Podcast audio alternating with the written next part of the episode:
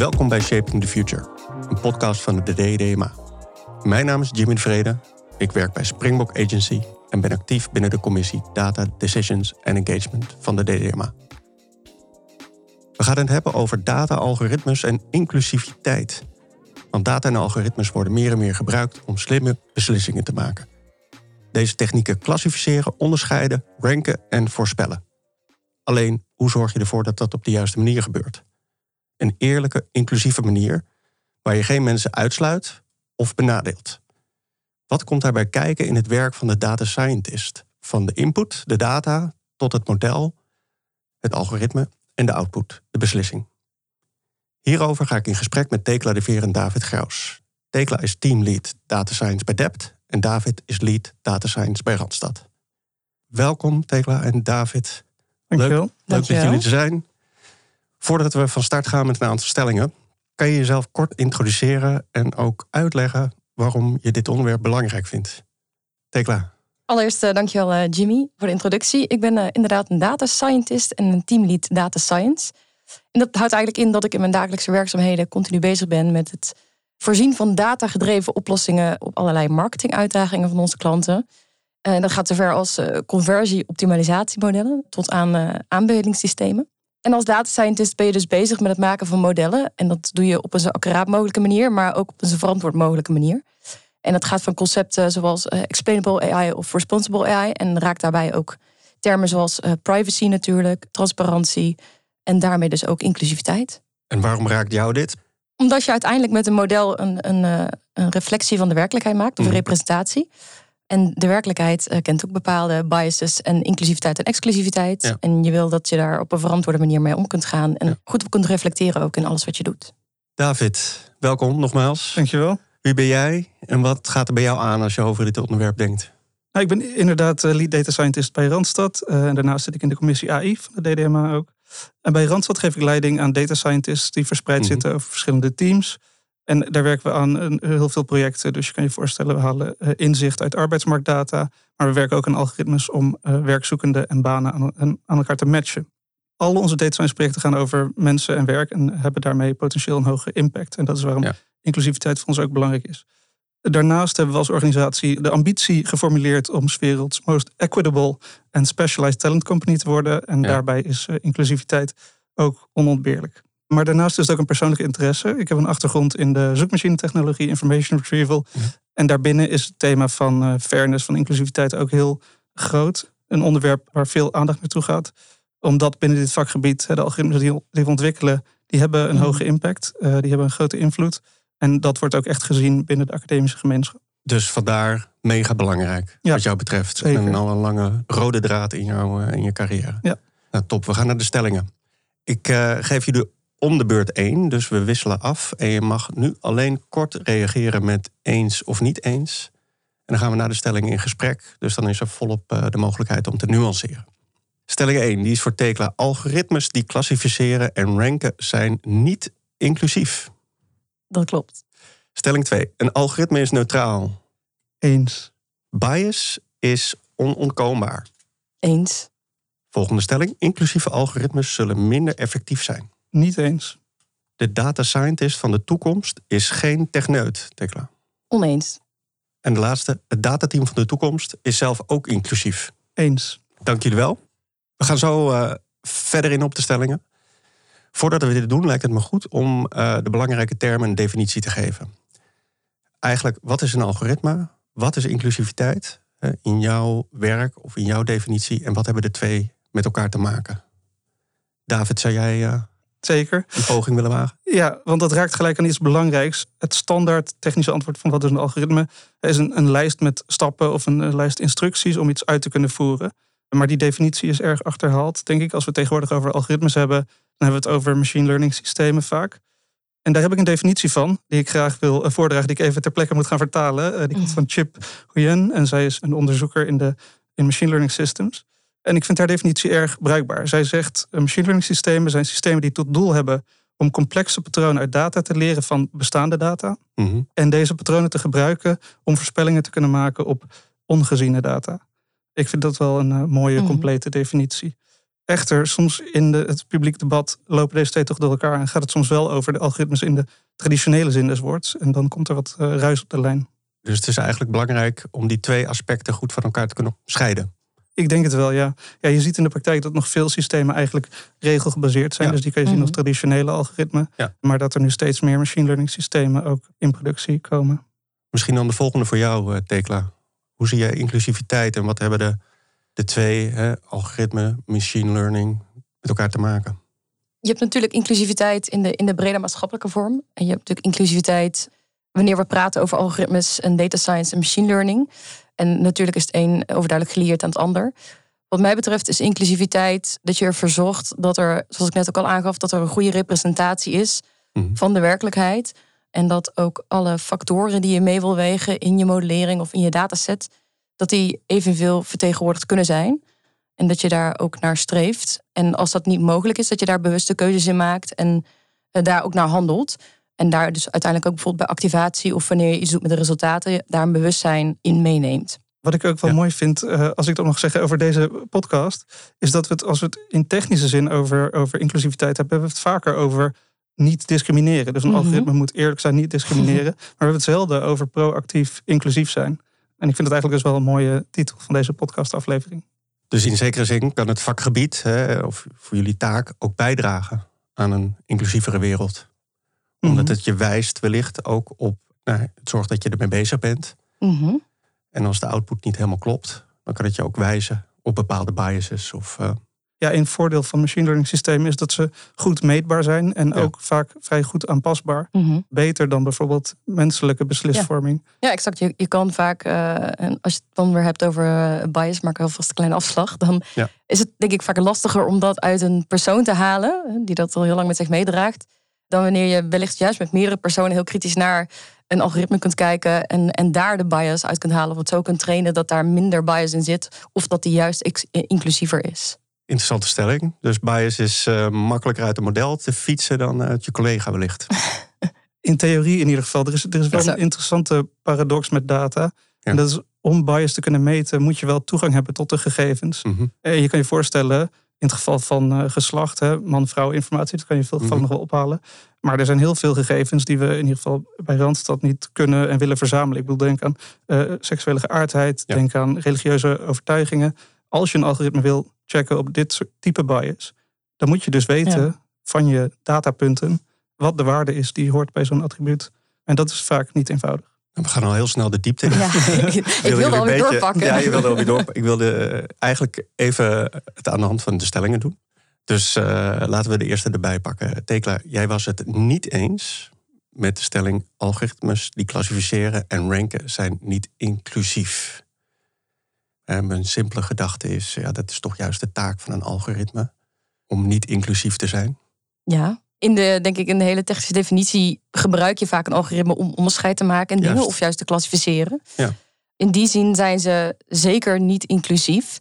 En daar hoort dan meteen weer de hele heerlijke nuancering natuurlijk weer bij. Maar we hebben het net natuurlijk al kort een beetje een paar vlakken aangestipt. Je kan daar heel veel inclusiviteit in brengen.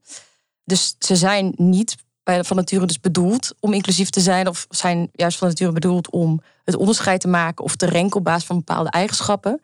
Ja. Waardoor je heel erg dingen natuurlijk in hokjes gaat plaatsen. En als je dingen in hokjes plaatst, dan ja, dingen die daar niet in dat hokje vallen. Hè. Sluit je uit. Exact. En ik denk, een mooi voorbeeld is natuurlijk de ene en nullen. We, alles maken we heel binair. En volgens mij, om dan wel weer even de terugkoppeling naar de maatschappij te maken, zijn er ook dingen die non-binair zijn. Op het moment dat je alles gaat klassificeren naar ene en nullen, dan valt die non-binaire versie of variant die valt er tussenuit. Dus in die zin zou je wel kunnen beargumenteren dat het niet inclusief is. Mhm. Maar dat we gelukkig wel heel veel middelen hebben tegenwoordig om daar dus wel naar te zoeken. En, en zoveel mogelijk inclusiviteit in algoritmes en in datasets in te brengen. Dus dat zou de ambitie moeten zijn. En wat mij betreft absoluut. Ja. Ben je het ook eens met... Uh... Ik ben het uh, daar ook mee eens. En wat natuurlijk interessant is, een algoritme inderdaad heeft tot doel om onderscheid te maken. Alleen er zijn bepaalde type onderscheiden en bepaalde gronden op basis waarvan onderscheid gemaakt kan worden. Mm. Waar we als maatschappij iets minder comfortabel mee zijn. Dat is dus, dus, denk ik ook gelijk de verantwoordelijkheid van een data scientist, maar ook van een organisatie die werkt aan dit type automatisering, om daar bewust van te zijn en daarmee mee om te gaan. Het is al een beetje een oude discussie. Hè? Technologie is nooit neutraal. Vandaar dat ik bedacht dat een algoritme is neutraal. Daarvan zei hij uh, eens. Klopt. Hoe zie je dat dan? Het is toch uh, technologie. Nou, en, uh... Zeker. Nee, eigenlijk alle antwoorden waren hier goed. Ja. Maar ik maak even gebruik van de ambiguïteit van de term algoritme. Ja. dus als je kijkt naar, naar, naar SEC, de, de beslisvorming, de stappen die worden gezet om tot een beslissing te komen, kun je zeggen, ja, dat is neutraal. Maar hoe het zover komt, daar zit bias in en daar zit dat gebrek aan neutraliteit. Dat heeft te maken met de inputdata, dat heeft te maken met hoe zo'n model ontworpen is. En ook voor een deel hoe, hoe de output van zo'n model wordt gebruikt. Mhm. Maar goed, ik uh, schelde me nu even achter de terminologie van algoritme als vaste set instructies. Maar het geheel van het werk, waar je te maken hebt met data en ook met de activatie, of wat doe je met uh, dan de uitkomst, ja. dat zou je als niet neutraal kunnen zien. Zeker. En, en, en daarbinnen is het algoritme en zelfs het systeem is vaak een kleiner gedeelte in een grotere context. Ja. Dus vanaf het moment van het verzamelen van de data, ja, de data is tot stand gekomen in een mhm. wereld mm waar bias is. Ja. Als je het heel conceptueel bekijkt, is een algoritme altijd neutraal. Totdat je er waarschijnlijk iets in stopt wat niet neutraal is. Kijk, dan zijn we daar in ieder geval uit. Ook wel een mooi bruggetje naar, ehm, naar een beetje het volgende topic waar ik het over wil hebben. Het is het werk van, uh, van de data scientist. En hoe, hoe om te gaan met uh, inclusiviteit. Op de stelling ehm, over bias antwoordde je ehm, eens, Tekla. Ik zal de stelling nog even herhalen. Bias is onontkoombaar. Wat bedoel je hier precies mee? Dat het er altijd is? Of, en of wat betekent het voor jou? Voor mij betekent bias uh, dat er een bepaald vooroordeel of een neiging naar een bepaald voorwendsel in je model, in je data of wellicht in het uitvoer zit. Maar wat mij betreft is het onderwijs lastig, al dan niet onontkoombaar, om bias niet in een model te hebben. Omdat het dus eenmaal in de maatschappij zit, maar ook omdat een bepaalde foutgevoeligheid kan ontstaan wanneer je je data aan het verzamelen bent. Hoe groot onze datasets ook zijn, ben je ooit zo volledig dat je alles en allesomvattend bent. En daarmee ook nog eens heel erg inclusief, dat je alle variabelen, alle variaties allemaal in mee kunt nemen, waardoor de kans op een, een voorwendsel of een bepaalde neiging binnen een dataset of model volledig uit te sluiten. En tot slot is ook nog zoiets als proxy bias. Dus op het moment dat je er bewust voor kiest om bijvoorbeeld bepaalde financiële gegevens niet mee te nemen, mhm. als je echt een model op mensen en menselijke gegevens gaat trainen, maar je neemt wel bijvoorbeeld een adres mee en daardoor zit dan toch weer ergens in je dataset aan gekoppeld dat dat adres valt in een woonwijk dat geclassificeerd wordt als wat voortvarender bijvoorbeeld dan kun je wel niet direct aan de mensen bankgegevens gekoppeld hebben. Maar dan uiteindelijk zit dus wel die bias die terug te leiden is tot die ene persoon, wordt wel meegenomen in je model. Dus wat mij betreft is dat ja, vrij onontkoombaar in veel scenario's. Ja, absoluut. Ja, het, alternatief, de manier om volledig biasvrij te zijn, is uh, volledige willekeur. Ja. Dan ben je eruit. Ja. ja. Maar dan heb je niet zo'n bruikbaar model. Laten we naar de volgende stelling gaan. Inclusieve algoritmes zullen minder effectief zijn. Mhm. En je was het er niet mee eens. Ik ben het er niet mee eens. Nee, kunnen absoluut minder effectief zijn, maar hoeven dat niet. En ik heb daar twee voorbeelden van. Eentje is uh, van werk van mijn uh, conculega's bij LinkedIn. Ja? Die hebben voor een zoekmachine voor recruiters hebben ze een methode ingebouwd die ervoor zorgt dat de gevonden werkzoekenden, dat de verdeling man-vrouw overeenkomt met de onderliggende populatie werkzoekenden. Ja. Dus dat is een soort van stap die je doet na, na je aanbevelingen. Dan doe je een extra stap om die verdeling gelijk te krijgen. En zij hebben dat getest en daar kwamen ze achter dat hun business metrics niet verslechterden. Oké. Niet verslechterden betekent overigens niet verbeterden, maar niet slechter werden. Mhm. En op basis daarvan hebben ze het uitgerold uh, over alle uh, LinkedIn Recruiter uh, gebruikers wereldwijd. Dus dat is een voorbeeld van een ingreep hè, waarbij je, je fairness gaat omhoog. Ja. Je business metrics gaan niet naar beneden, dus, ja. dus rol je het uit. En het is gelijk qua effectiviteit. Ja, ja. en een uh, soortgelijk hebben we zelf uh, bij mijn vorige werkgever bij het FD hebben gewerkt aan nieuwspersonalisatie. En daar hebben we gevonden dat we kunstmatig de diversiteit van de aangeboden artikelen konden verhogen.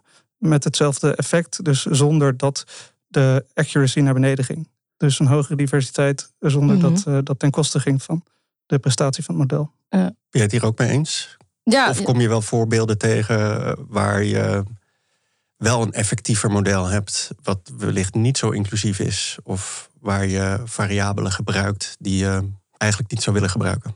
Het ligt ook heel erg aan het doeleinde waarmee je het wil gebruiken, natuurlijk. Maar ik denk zeker dat het niet per se minder effectief hoeft te zijn. Nee. Ik denk wel dat het waarschijnlijk wat meer moeite kost. Want je zult uh, op een andere manier met je data moeten gaan, met je datacollectie. Je zult eh, misschien meer moeten trainen, meer moeten tunen om het juiste model te krijgen met inderdaad eenzelfde soort accuracy.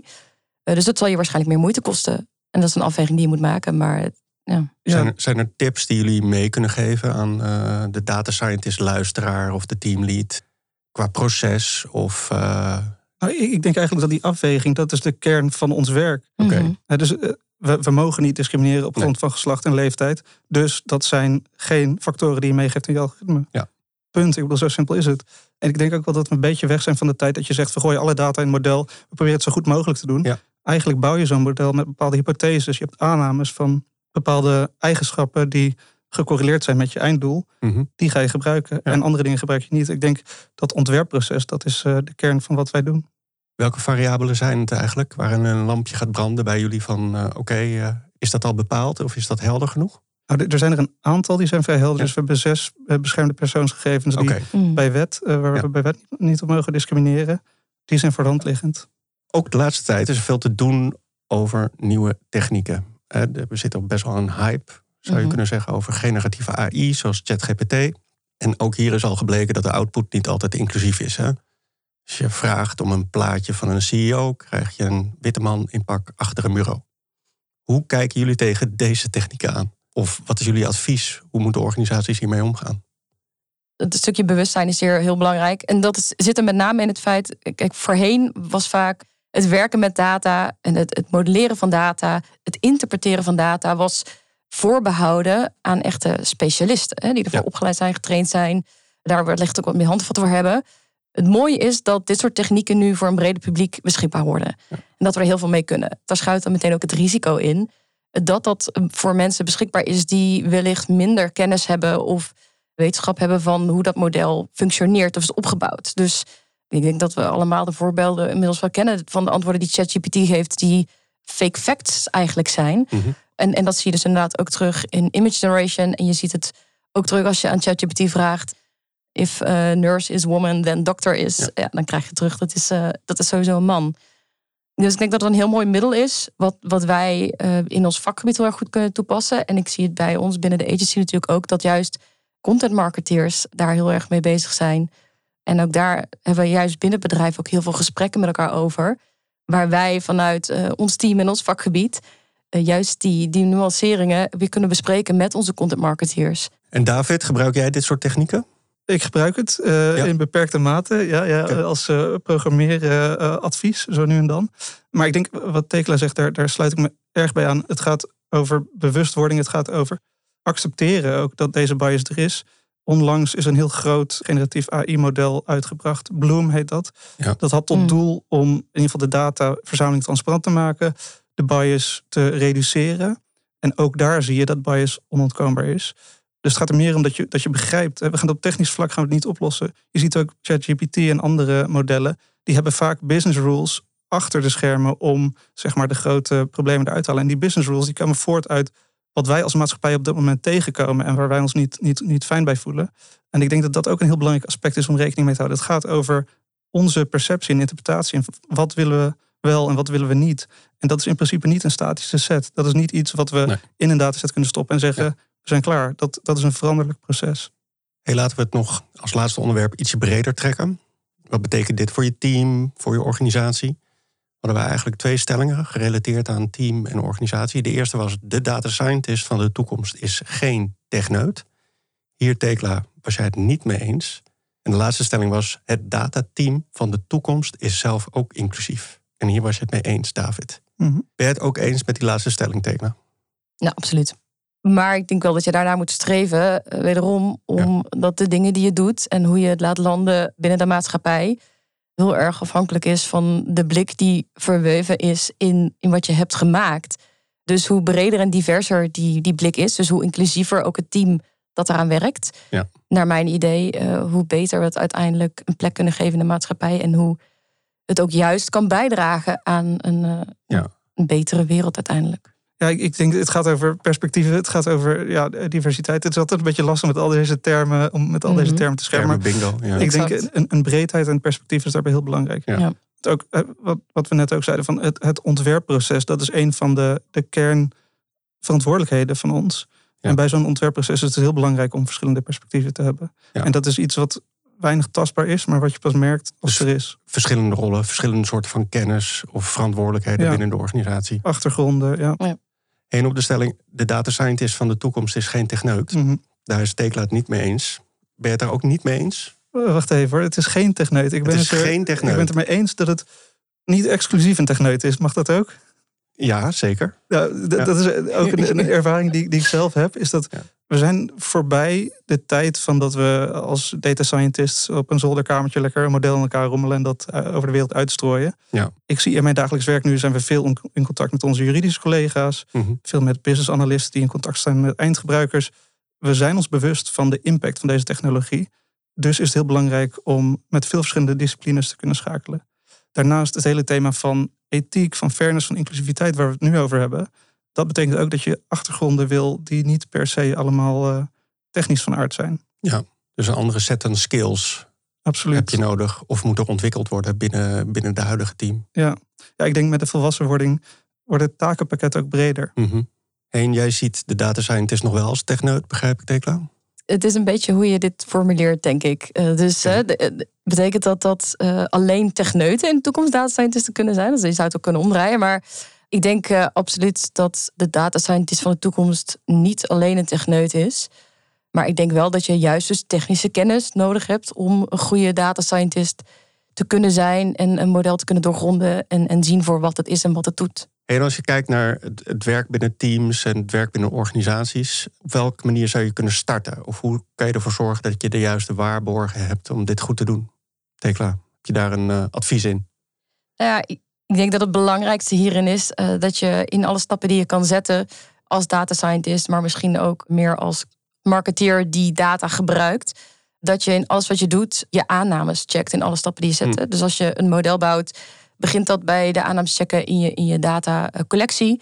Eh, dat, dat, uh, dat, doe je met een goede IDE bijvoorbeeld, waarin je echt gewoon goed gaat kijken welke data zitten nu in mijn dataset, hoe is dat verdeeld. Exploratory Data Analysis. Uh, sorry.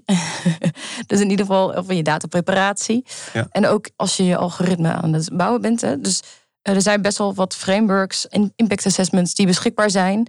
Waar je gebruik van kunt maken. Ik vind zelf, uh, de Utrecht Data School heeft ooit een mooie assessment gemaakt. Dat heet de DATA. De ethische data assistent. Um, ja. Daar zijn gewoon vragen die voor elke stap van dit proces die je jezelf kunt stellen waarmee je ook gewoon kunt checken uh, wat, voor, uh, ja, hoe, wat voor aannames er wellicht in jouw proces zitten. Is uh, deze data voor iedereen gewoon beschikbaar?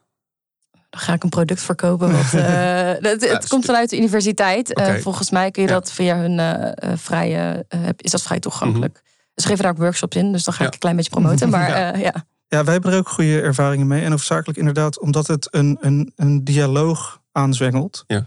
dus er staan een paar vragen van uh, heb je nagedacht over risico's of bias in je data? En hele high-level vragen. Dit is overigens niet specifiek de data, maar, maar die vraag kan je, kan je verwachten. En soms kan je daar een antwoord krijgen van uh, nee, geen risico's. En dan, dan gaat het niet op het antwoord, maar het gaat erom van oké, dan, dan kan je daarover in dialoog mhm. gaan. Mm -hmm. Dat heb ik ook ervaren, dat kan vrij verrijkend zijn. Daarnaast is het een, een belangrijk naslagwerk, want we zitten in een wereld waarin wat je als maatschappij wel of niet goed vindt, wat we al eerder aanstipten, dat is veranderlijk. Dus mocht het over tien jaar zo zijn dat je terugkijkt naar de keuzes die je nu hebt gemaakt, dan kan je ze in de, in de van nu wel begrijpen. En ik denk dat die verslaglegging ook erg belangrijk is voor, voor jezelf. En het, is een belangrijk uh, middel om na te kunnen blijven denken over hoe je dingen aanpakt. Ja, misschien dan nog even een soort persoonlijke vraag. Maakt dat het werk voor jullie eigenlijk leuker? Want ik kan me ook zo voorstellen dat als er een heel administratief proces bij komt kijken, checks en balances, dat het ook een beetje lastig of vermoeiend kan zijn. Omdat je gewoon lekker met de core van je vak bezig wil zijn. Ik wil dat niet voor uh, anderen beantwoorden. Ik vind het zelf eh, vooral eh, heel leuk.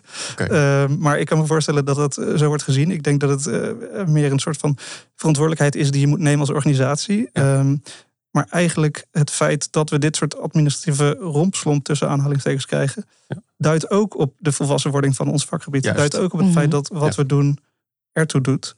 En nou ja, wat we net zeiden, dat skills om daarover te reflecteren belangrijk worden. Dat communicatievaardigheden daarover belangrijk worden. Ja. Dus ik uh, juich het allemaal toe. Nou, ik kan me heel goed voorstellen als je dit vakgebied hebt gekozen om echt, echt alleen maar puur technisch bezig te zijn en zoveel mogelijk data te hebben en zoveel mm -hmm. mogelijk data te kunnen gebruiken en, en zo technisch mogelijk eigenlijk ja, dingen te kunnen doorgronden. Eh, dat het dan eh, voelt als iets wat je tegenhoudt. Maar persoonlijk vind ik het juist heel erg leuk om, om daarover na te denken, mee bezig te zijn. En ook het team daar af en toe gewoon, gewoon mee te kunnen prikkelen. Ja. Wat zou je de luisteraar mee willen geven tot slot? Wat is, wat is je conclusie van dit gesprek? Nou, ik zou ze wel mee willen geven. Het klinkt misschien een beetje pessimistisch, maar er is licht aan het eind van de tunnel. Uh, we hebben natuurlijk de laatste tijd veel eh, toestanden gehad. Toeslagenaffaire. Ja. Toestand rond de gemeente Rotterdam, die met fraude-algoritme mhm. aan de slag waren, die eh, bleken te discrimineren. Mm. Maar ik denk, die ophef die draagt bij aan de bewustwording. Er is technisch van alles mogelijk. En ik denk, ja, het, het gebied is zo in ontwikkeling dat we in een fase gaan komen waarbij we de voordelen meer gaan uitnutten dan last gaan krijgen van de nadelen.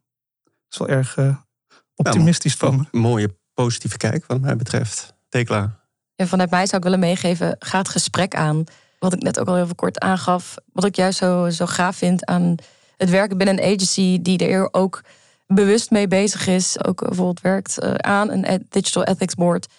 Is het gewoon belangrijk waar je ook werkt en in welke vorm je ook met data bezig bent.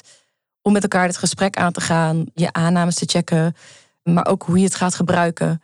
En we kunnen zo vanuit een datamodel ons best doen om zo inclusief mogelijke resultaten of uitkomsten te hebben.